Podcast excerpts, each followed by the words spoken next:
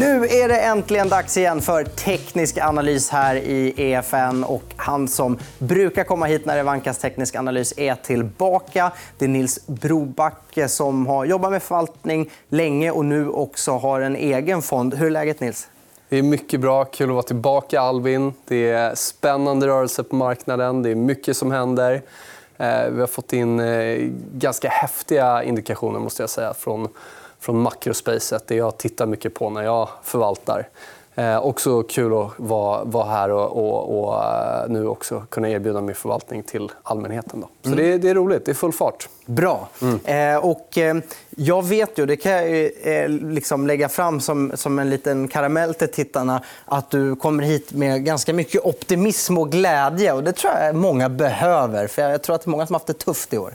Ja, nej, men det har varit ett eh, tufft år till viss del. Lite beroende på vilka sektorer man har ägt, men också kanske om det har varit man har varit väldigt liksom, eh, om lagt kort ligger, så att säga, eh, eller om man har kunnat vara aktiv.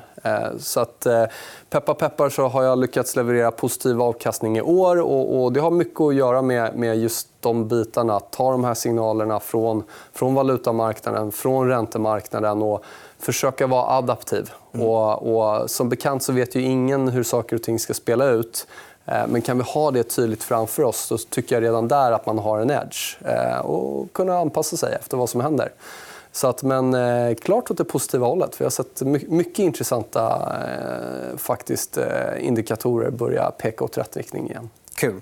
Vi ska kasta oss in i graferna. och eh, Det vi tittar på är ju mycket psykologi och beteendemönster i de här. Vill man veta lite mer om det så har vi lagt ut korten lite mer i tidigare program om exakt vad det är vi tittar på. Eh, utan vi kastar oss istället rakt in i det. Och som sagt, vill man djupdyka mer kan man söka på gamla program när du är med här.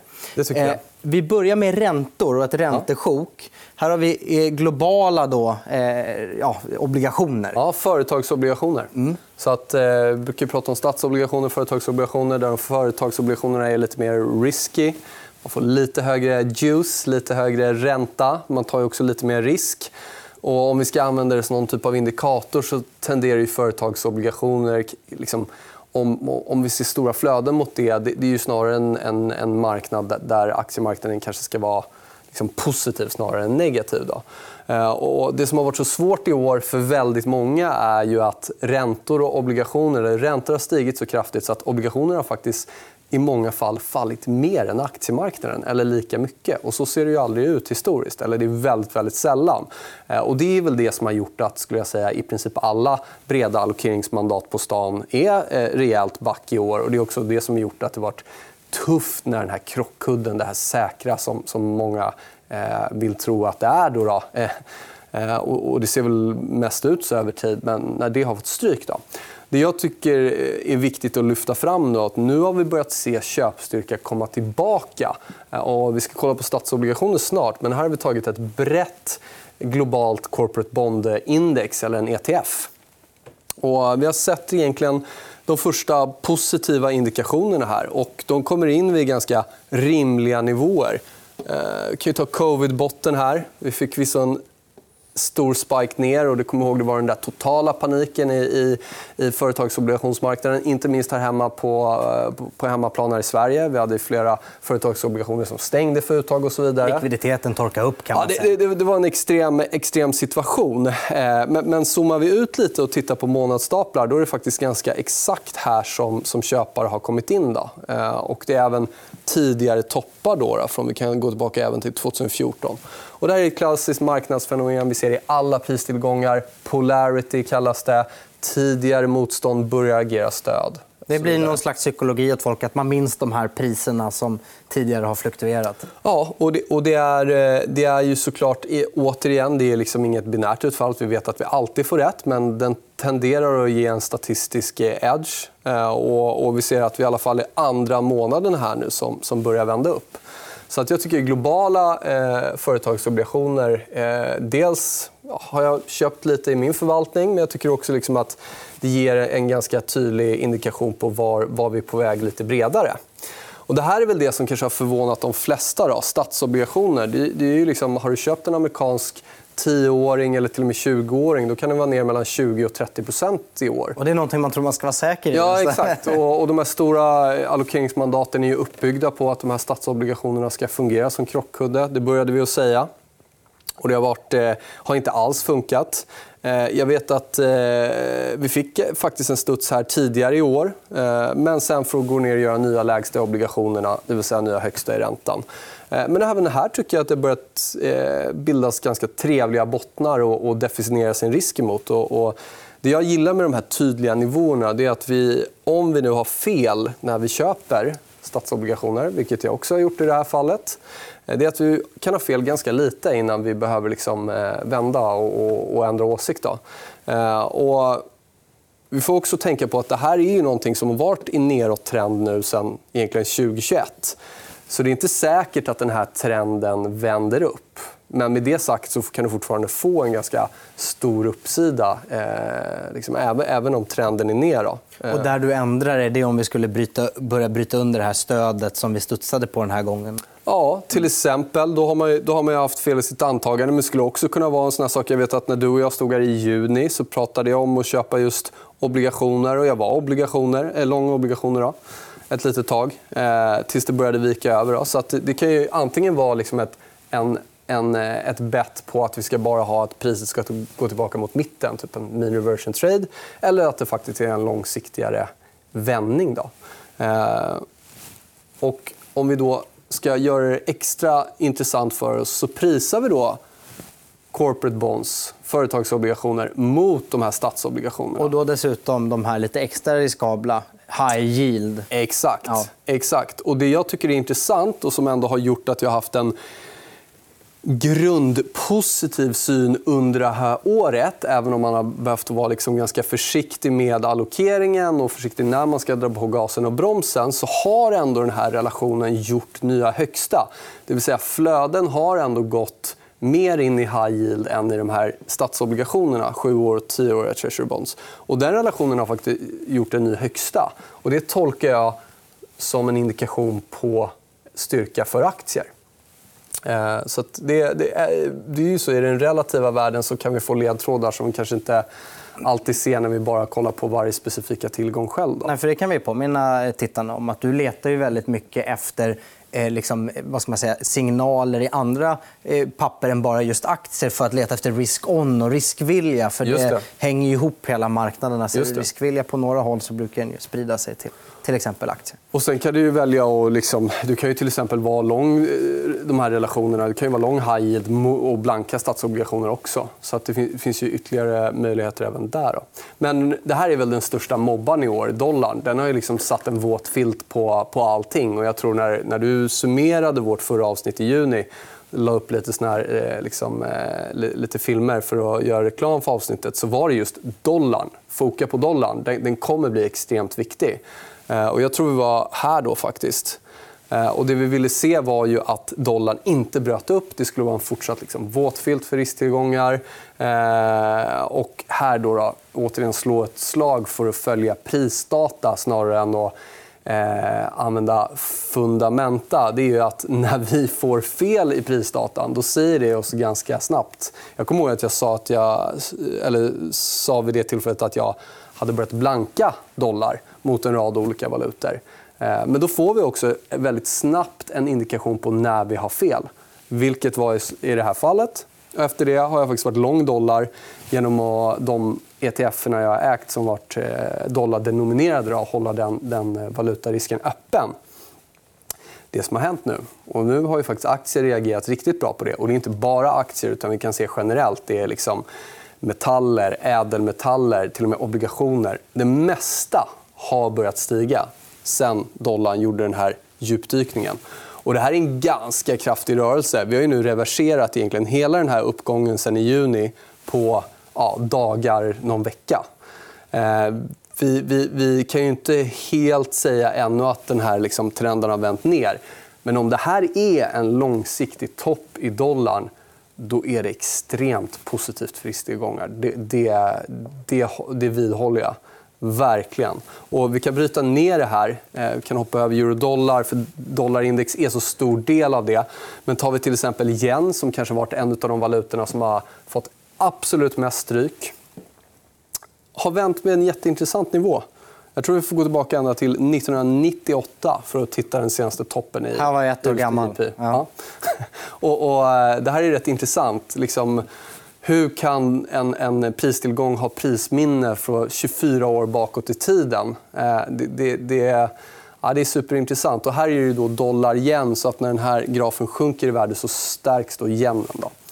Eh, och yenen kan man också koppla ihop med obligationer ganska samma trade. De här statsobligationerna brukar, De brukar utvecklas korrelera ganska mycket med yen. Och, och, och, även guld, som vi ska titta på snart. Och vad är det som har varit historiska safe havens? är ju faktiskt statsobligationer, yen och guld. Och alla de har haft svårt i år. Men nu på slutet så har också alla de börjat vända upp och börja generera avkastning. Så det, det, det, hänger ihop. så att säga. Det är så det borde se ut. Mm. Här har vi, om vi ska prata lite hemmaplan, då, eh, dollar mot krona. Ja. Så tycker jag, också... jag var ju nyligen i USA. Det var tufft. Det kostade en del. Ja, synd. Jag tror du, då fick du de här priserna. Då. Ja, nu, har det, nu har det faktiskt börjat, eh, börjat vända även här. och Det ser jag som väldigt, väldigt positivt för, för svenska aktier. Eh, vi kan också se att OMX har relativt presterat eh, betydligt bättre än USA senaste tiden. Och vad beror det på? Då? För annars brukar man ju säga att ja, det är bra för svenska aktier med hög dollar för då valutadopar du lite. Ja, då kommer vi in på det där med fundamenta och företagen. Och, ja. och, det finns säkert någon snygg förklaring för varför det är så. Men det man kan säga med, med flöden och prisrörelser på kortare sikt är att Stora investerare och kapitalförvaltare använder gärna kronan och blankar den som en hedge. Alltså det är bättre likviditet i kronan än att blanka enskilda svenska papper eller till exempel OMX. Då. Mm. Så när det är risk på marknaden och man vill ta ett bett mot Sverige då tenderar man att, korta kronan eh, mot dollarn. Då. Så att, men det som är väldigt intressant nu är att nu har vi faktiskt kommit tillbaka ner. Kommer du ihåg den här nivån? Det här var ju faktiskt Eh, där, eh, COVID, eh, där OMX bottnade ur under covid-kraschen.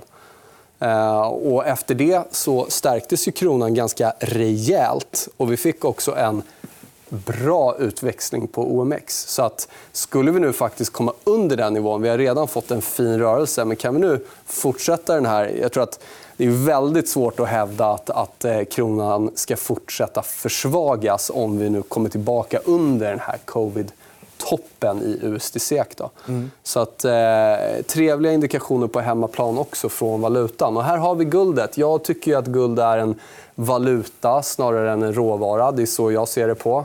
Jag kommer från valutatradinghållet från början. Och, eh, eh, guld har ju även en, en valutakod, alltså XAU eh, USD eller XAU SEK till exempel om du handlar guld mot SEK.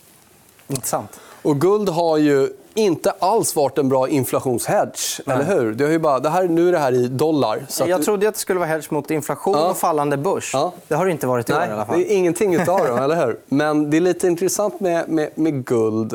Eh, guld hade ju faktiskt en väldigt bra period innan. Mm. Sen fick vi en, en dipp här under, under största covid-rörelserna men fortsatte upp. Och hade faktiskt en väldigt bra utväxling. Så var nästan uppåt en 100 där på, på lite drygt eh, två år. Då. Nu har vi behandlat sidled. Och det här är en period när liksom guld skulle göra sitt och skydda oss mot inflation, skydda oss mot börsnedgång. Och det har varit tvärtom i år. Liksom. Det har faktiskt varit ner. Eh, men vad händer när dollarn börjar tappa? Jo, vi får en ganska kraftig rörelse upp i guld.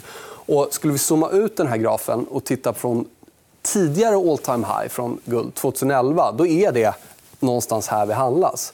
Så om vi nu har handlat sidled i, näst, i över två och ett halvt år och vi faktiskt bryter på uppsidan här och dessutom gör nya vad, vad blir det, 11-12 års högsta det är en rejäl styrkeindikation för inte bara guld specifikt utan även andra ädelmetaller, typ silver. kan Vi säga. Vi har också sett den handlas bra på senare tid. Och det här är också...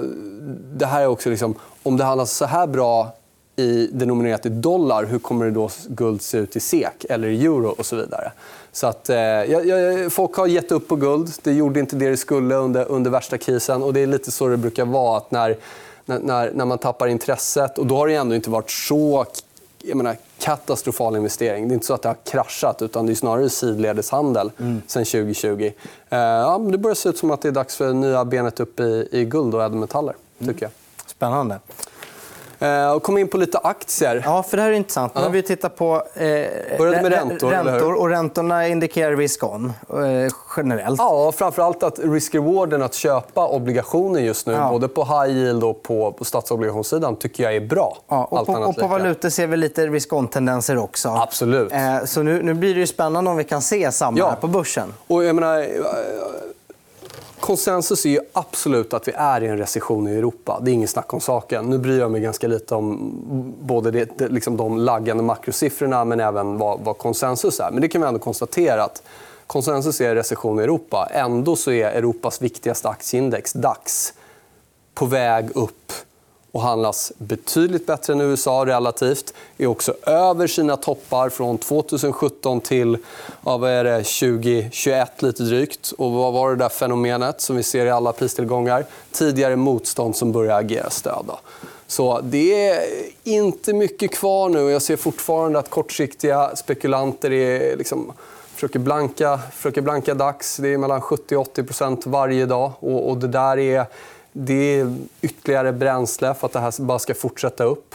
Så jag tror att eh, Europa är säkert underviktat i de flesta modellportföljerna och allokeringsmandaten just på grund av den här recessionskonsensus. Och jag, menar, jag tycker det ser ut som att eh, tysk index är på väg upp och göra nya högsta inom inte allt för länge.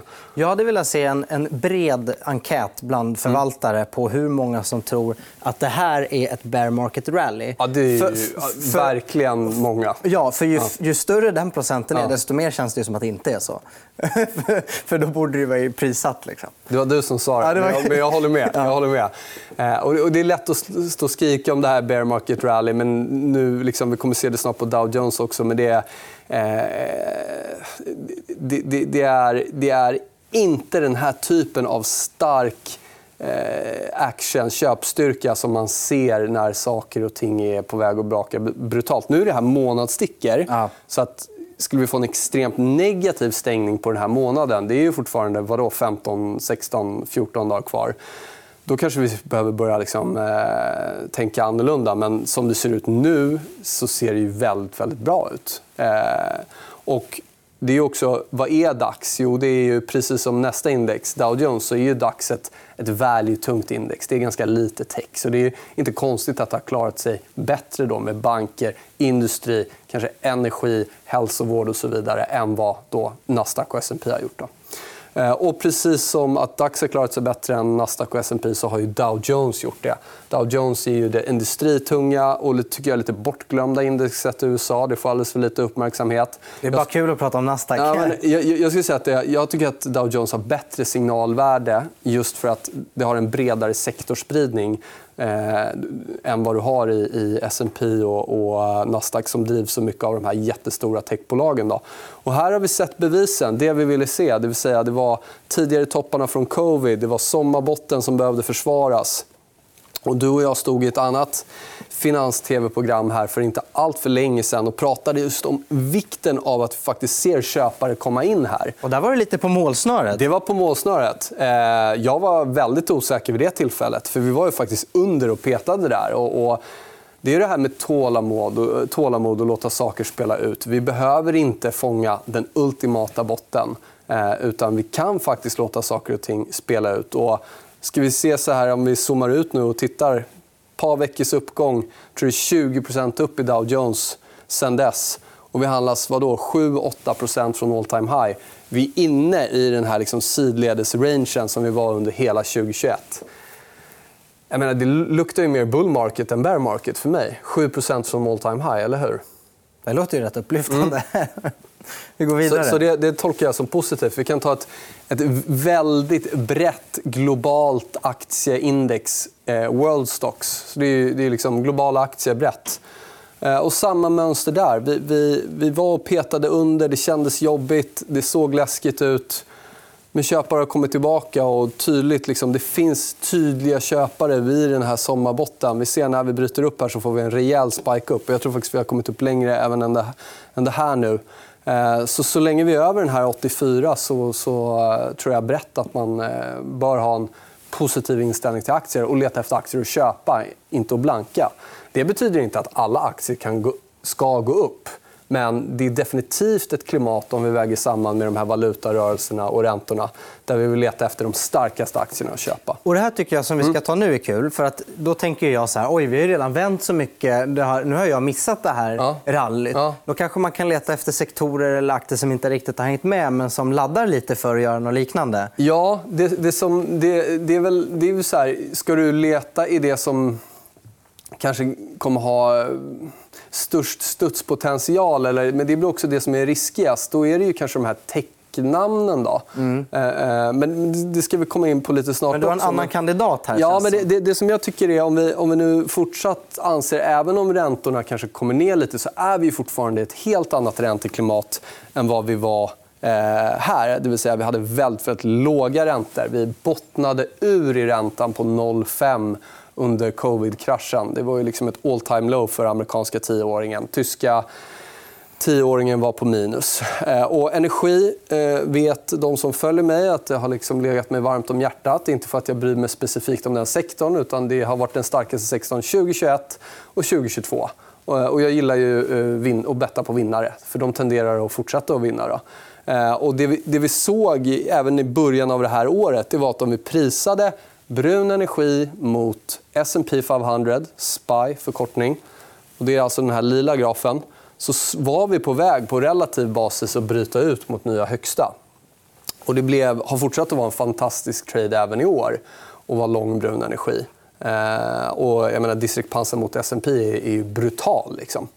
Eh, och nu tycker jag att det ser ut som att banker är på väg att göra samma sak. Det vill säga vi tar ett XLF, banksektorn i USA, prisat mot S&P 500 och Mönstret är ju väldigt, väldigt likt här. Och jag eh, äger en hel del banker, både europeiska och amerikanska banker i förvaltningen. Och jag tror att eh, det här är på väg att göra samma typ av rörelse som Energi har gjort. Mm. Så, så, övervikt bank. Och, och, det är roligt. Det är inte, det är inte så länge sen som vi pratade om eh, liksom, en eventuell bankkonkurs här i Europa. och Det var väldigt oro kring, kring banksektorn. Men banker handlas relativt starkt. Och det, det är fakta, det är, det, det är pris. Det är inga åsikter. Eh, komma in på, på, om vi ska prata USA igen. Då, och, eh, det finns mm, faktiskt en hel del technamn som jag kan tänka mig att äga och som jag äger till viss del. Men då är det i de mindre listorna vi ska titta. Det vill säga small cap. Inte FANG? Nej, inte FANG och inte de här största, eh, största bolagen. Och här har vi valt att ta small cap, Russell, prisat mot mega cap growth, alltså de största techbolagen. Och det, jag tycker att det här mönstret börjar likna väldigt mycket hur det såg ut i mitten av 2020. Vi har haft en lång outperformance av megacap stocks. Vi får en, en botten som tar tid att bildas. Bottnar är ingen endagsevent, utan det är en process. eller hur? Lite som det faktiskt har sett ut i år. Mm. Eh, när börsen bottnar. Det är inget som händer på en dag, utan det tar lite tid. Och jag tycker att det ser ut som att vi gör samma rörelse nu igen. Det vill säga nedåtgående trenden är bruten. Vi tar tid på oss att bygga den här botten och jag tror att vi ska få en, en kraftig outperformance som vi såg faktiskt i mitten av 2020 fram tills ja, global risk pikade i, i februari 2021. Då. Eh, så jag är överviktad small cap eh, relativt mot, mot mega cap stocks. Så det finns, finns eh, ljusglimtar även i, i tech och tillväxt. Nu kommer en Brobacke-favorit här. Ja, solenergi. Den har vi för grön energi det har vi faktiskt haft med ett par gånger. här. Det är mm. inte så att jag diskriminerar den gröna energin. Kan vi tjäna pengar där, det är ju fantastiskt. Då vill vi vara lång den. Och faktum är att vi har sett ett par riktigt bra resor i den här ETFen, Tan Solar. Jag äger den i förvaltningen. Eh, och vi, har sett, vi hade härifrån i, i somras så fick vi en, inte riktigt, men nästan en 100% uppgång. Och, eh, jag tycker det ser ut som att vi, vi, vi gör ett försök att faktiskt ta ut de här tidigare topparna. Då. Så att eh, solenergi ser, ser bra ut. Och tillsammans med brun energi så verkar det vara en större energitrend i, i världen. Och det finns exempel i historien när energibolag har varit några av de största. Eh, 2004-2007 var ju oljebolagen väldigt starka, eh, till exempel. Så att, eh, det behöver inte vara så att det är bara det ena eller det andra som går bra. Jag äger ju båda nu, men det som är extra intressant tycker jag med den här gröna solenergin är att nu verkar det som att vi återigen börjar studsa här vid viktiga nivåer. Och då har vi tagit TAN Solar prisat mot den här bruna energin. Samma nivå där vi studsade i, i början av året. Då. Ja, vi rör oss vidare. Vad är det här för spännande? Jag tror faktiskt sista grafen vi har med oss. Mm. Och här är väl lite sådär... Jag, jag, jag tycker någonstans, trots att råvaror har varit den starkaste sektorn i år och det energi blir så stor del av ett brett råvaruindex Så det spelar mycket in där. Så såg jag nu senast här bara för någon vecka sedan data på att det har faktiskt varit utflöden ur råvaru-ETFer eh, i år. Och det har varit stora inflöden i aktie-ETFer och det har varit lite mindre i bond-ETFer. Så råvaror är fortfarande hatat av marknaden trots att det är den bästa sektorn förra året och i år. Så när ska vi börja gilla råvaror? När ska det här bli liksom eh, en, en viktig del av portföljerna? Eh, jag tror inte att den här trenden är liksom i slut på något sätt. Utan det känns snarare som att den är på väg vi, att fortsätta. Här har vi S&P 500 mot råvaror för att, se, relativ, ja, för att se relativ styrka. Ja. Helt rätt. Så att vad, vad, vi har gjort här är... Och då, kom, då är det återigen det här. Köper du S&P 500 idag så får du knappt någon råvaruexponering. Nej. Och här prisar vi dem mot varandra. och Vi kan se att den här nivån har väl den som jag fokuserat på som jag tyckte var viktig liksom, att se hur vi agerar här. Skulle vi haft en vändning upp här då hade ju det snarare gynnat aktier än råvaror. Jag tänkte precis säga det, så att man är med här på, på hur de är viktade. Att när det går upp så visar det styrka för aktier. När det går ner är det styrka för råvaror. På Stämmer. Den, här, den här linjen Stämmer. Mm. Och vi har ju nu sen 2008, 2009 haft en kraftig outperformance av breda S&P mot ett brett råvaruindex. Och nu har vi, sen, eh, ja, sen covid-botten, någonstans här börjat se att råvaror presterar bättre än aktier. Det betyder inte att aktier behöver krascha och råvaror kommer gå rakt upp. Men det här relativspelet. Och jag tycker inte det ser ut som att den här trenden är över. Utan jag tror det snarare ser ut som att det här kommer kunna fortsätta ett tag. Eh, och det i sin tur indikerar också att vi bör nog inte se att räntor kommer ner på de nivåerna vi har sett tidigare. Det betyder inte att räntor kan komma ner lite och obligationer kan stiga i värde. Men, men, men den långsiktiga trenden för råvaror... Eh, dels om vi kollar på liksom rena priser, men även relativt. Men också titta på sentiment. Just att det är, ut, det är den enda tillgångsklassen som har varit utflöden i år. Mm. Men det är också den som har gått bäst. Så det är fortfarande inte så att råvaror är älskat på något sätt. En paradox. Den ja, som det... ingen vill ha är den som går bäst. Ja, det, är, det är lustigt. Va? Ja. Så att, eh, det var det. Jag vill bara avsluta med att slå ett, slå ett slag för, för råvarorna igen. Jag tror att den, den traden är, är på intet sätt eh, över. Mm. Och det finns, man kan säga att det finns väldigt många framgångsrika investerare som har haft som strategi att leta efter det som ingen gillar just nu. Och det kan du hitta oavsett vad du liksom i övrigt har för, för liksom analyssätt. Till och med Peter Lynch gillade ju leta efter sånt som andra professionella investerare kanske inte pratar så mycket om i fikarummet. Stämmer. stämmer. Det går att applicera på flera strategier och flera tillgångsklasser. Exakt. Eh, kort sammanfattning. Då. Eh, valutor, eh, räntor och aktiebörser visar liksom generellt risk-on-tecken upplever jag det som om man ska dra med stora penseldragen. Det tycker jag. Medan det fortfarande där ute är ganska mycket snack om oro och recession så ser priserna ändå ut att visa en annan framtid. Så är det. Och, känns hoppfullt. Ja, och jag tror att det negativa sentimentet hänger ihop mycket med att det, det de flesta äger, det vill säga tech och kanske megacap tech, fortfarande har det svårt. Och det är därför också Nasdaq och S&P är ganska långt ner om vi jämför med de här andra sektorerna. Men det vi ser från valutamarknaden, från räntemarknaden och också flera individuella aktieindex tyder snarare på att vi är i en marknad där vi vill leta efter aktier att köpa, inte att banka. Mm, kul. Tack så mycket för att du kom hit, Nils Bobacke. Och det var vad vi hade i det här avsnittet. Vill ni se mer av EFN Marknad så hittar ni det såklart här på Youtube. Och sen får ni gärna följa oss på Instagram också. Där heter vi EFN Aktiekoll som ett ord med små bokstäver. Ta hand om er. Hej då.